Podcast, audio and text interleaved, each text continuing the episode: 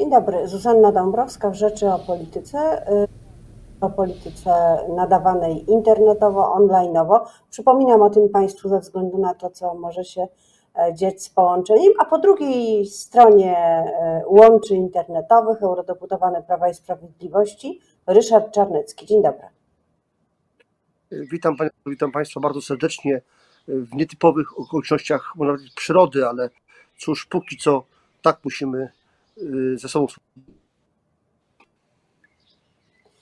E, no, nie wszystko jest, nie wszystko jest normalnie, tak jak e, powinno być. E, wiele rzeczy się zmienia, rząd ogłasza nowe rozdania gospodarcze, nowe etapy. Dzisiaj Rzeczpospolita pisze o tarczy 3.0. Wiele się dzieje, nie zmienia się tylko jedno. Wybory mają się odbyć 10 maja, tak? E, tak, respektujemy konstytucję, która jest jednoznaczna, e, która mówi, że e, wybory prezydenta muszą odbyć się między 75 a setnym dniem od końca urzędnictwa, a więc jeżeli chodzi o niedzielę, to 3 maja, no, 10 maja, 17 maja, a ostatni dzień, no tyle, że poprzedni, to byłaby sobota 23 maja. Ustawodawca zdecydował, że jest to 10 maja. E, ten termin jest e, przyjęty. E, nie ma woli z tego powodu nikt nie zagwarantuje, że na przykład w sierpniu ta pandemia będzie czyli wiceministra zdrowia, pana Waldemara Kraski, y, który mówi, że y, może nastąpić druga fala pandemii y, właśnie w z tym. Panie pośle, ale być może nie można zagwarantować, że nie będzie dalej fali, rozpędzającej się wciąż fali zachorowań, może będzie druga fala, ale na pewno można by było zagwarantować, że wybory korespondencyjne będą lepiej przygotowane, bo w tej chwili protestują związkowcy z Poczty Polskiej.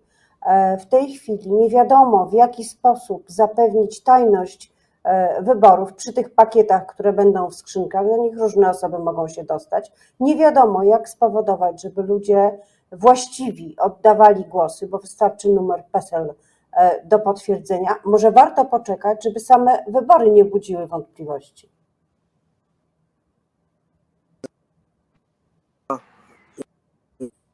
czasowe wymusza. E, to nie jest tak, że przychodzimy do restauracji i wybieramy, zresztą zamkniętych, e, i wybieramy z karty dań schabowego, a wcześniej grochówkę, tak samo wybieramy termin, termin wyborów, no bardzo przepraszam.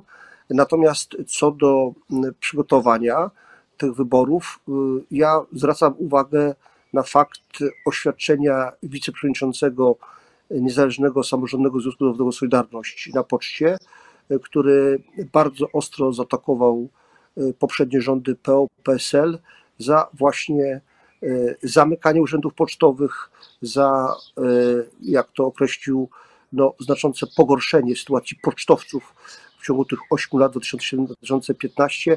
Również Ale to jest inna sprawa. Tego, no nie no, pani powoła się na, na pocztowców. Y, w sprawie wiem, wyborów. Wie, w sprawie wyborów, a nie w sprawie tego, co robiła Platforma.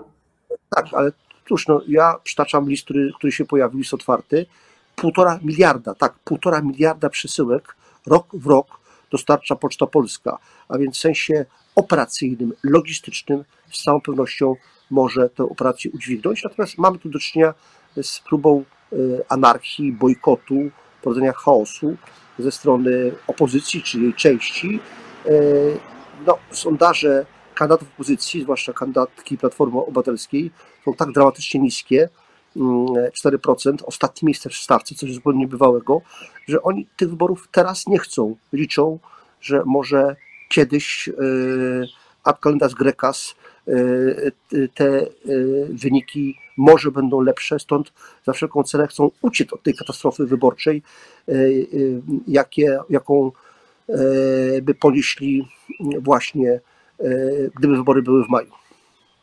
Panie pośle, no ja jako wyborca nie przejmuję się specjalnie rozterkami Platformy Obywatelskiej, ale wiem, e, jak ludzie mieszkają, pod jakimi adresami przebywają realnie.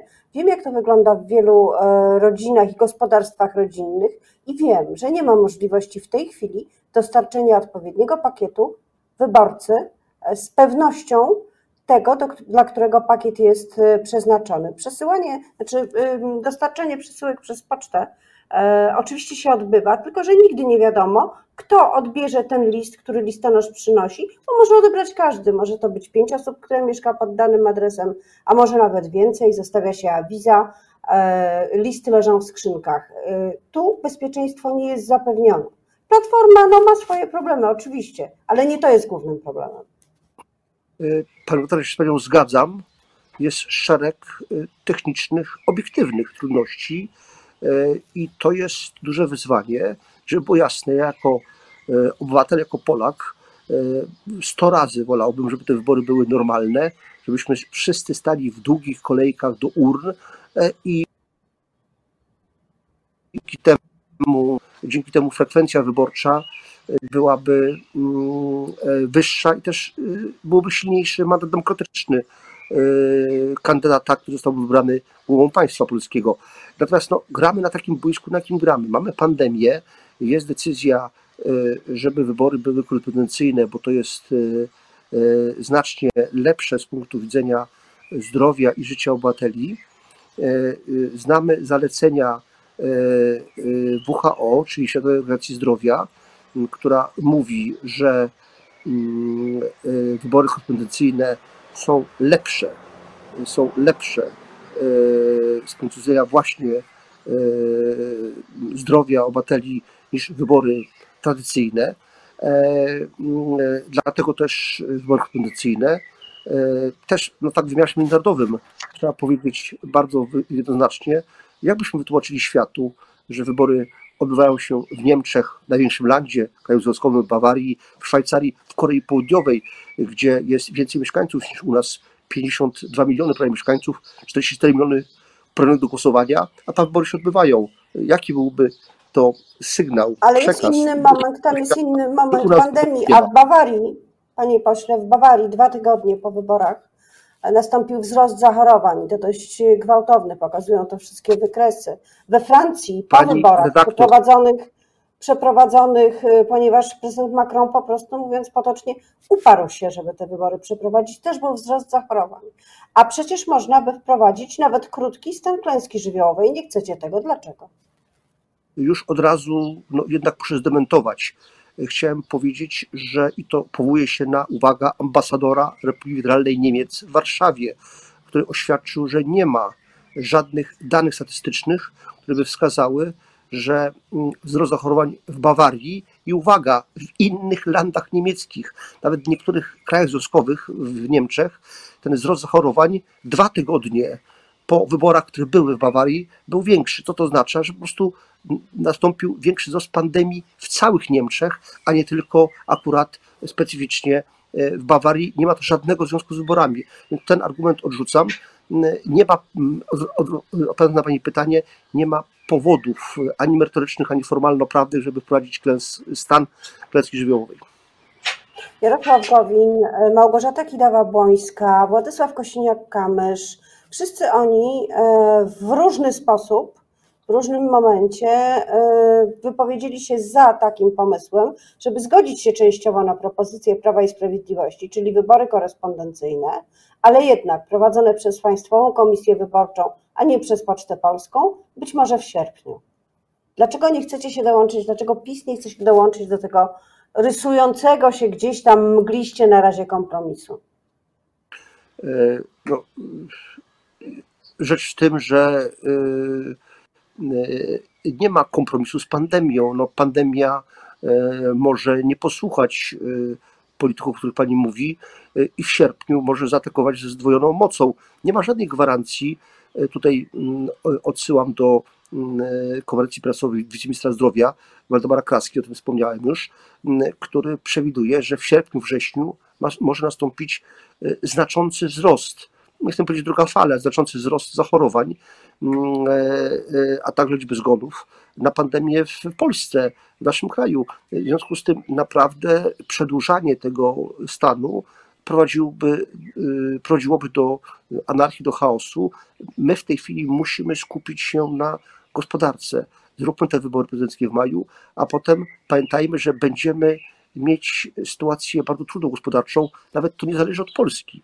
Jeżeli, panie redaktor, uwaga, 45% naszego PKB to jest polski eksport, no to nawet jeżeli sytuacja w Polsce będzie w miarę dobra, i tak zakładam, skoro Polska jest liderem w Unii Europejskiej od półtora roku, e, gdy chodzi o wzrost PKB na głowę mieszkańca, e, myślę, że będziemy sobie radzić lepiej niż w innych krajach, ale to jesteśmy uzależnieni od innych państw. Jeżeli 5% naszego PKB to jest eksport do Niemiec, no to pokazuje to, że e, świat stał się globalną wioską, że jesteśmy związani z innymi gospodarkami i dlatego też musimy wszyscy także jako klasa polityczna, e, bardzo ciężko e, pracować, zgasać rękawy, aby z tego kryzysu, to, to będzie pewnie miesiącami, nawet może latami e, wyjść, kryzysu, który będzie spowodowany pandemią.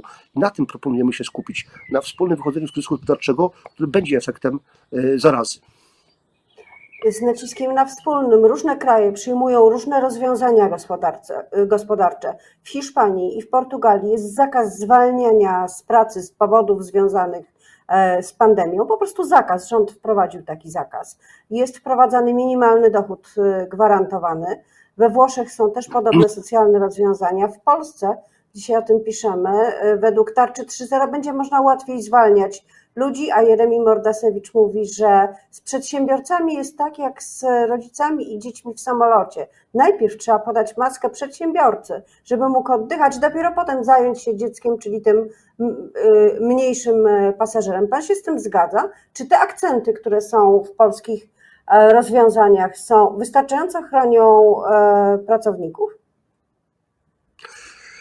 Y powiem y, w ten sposób, bo ja akurat znam doświadczenia mm, i praktykę Hiszpanii, ponieważ y, moja siostra, która jest naukowcem, właśnie tam kończy dwuletni program badawczy w Barcelonie i wraca do kraju w maju. Mm, mam nadzieję, że będzie w stanie, będzie mogła wrócić.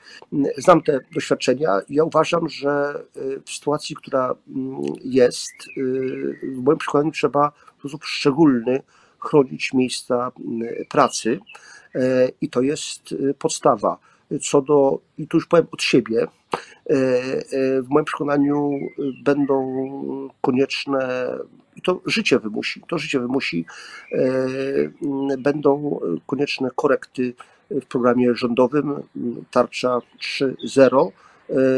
Po prostu będziemy przechodzili do nowych etapów walki z pandemią i z całą pewnością Y, położenie nacisku na kwestie społeczne, socjalne, ale także oczywiście ekonomiczne, będzie absolutną koniecznością. Jesteśmy wspólnotą, jedni drugim brzmiona nośmy. W moim przekonaniu tutaj, mm, ponieważ jesteśmy wspólnotą, to musimy mm, pamiętać nie tylko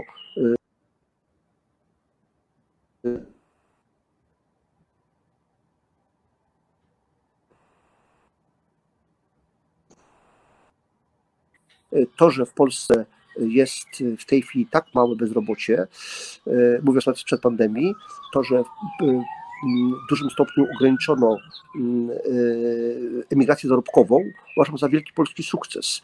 E, I no ale właśnie że... się kończy, bo będzie można zwalniać ludzi łatwiej niż przedtem. Więc, Bez no, ja powiem osobiste zdanie, uważam, że powinniśmy mm, robić wszystko, aby chronić miejsca pracy, kropka. Bardzo dziękuję za tę deklarację i dziękuję za rozmowę. Moim gościem był dzisiaj internetowo, uff, udało się zachować połączenie, eurodeputowany Prawa i Sprawiedliwości Ryszard Czarnecki. Dziękuję.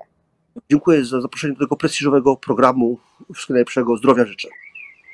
Dziękuję wzajemnie.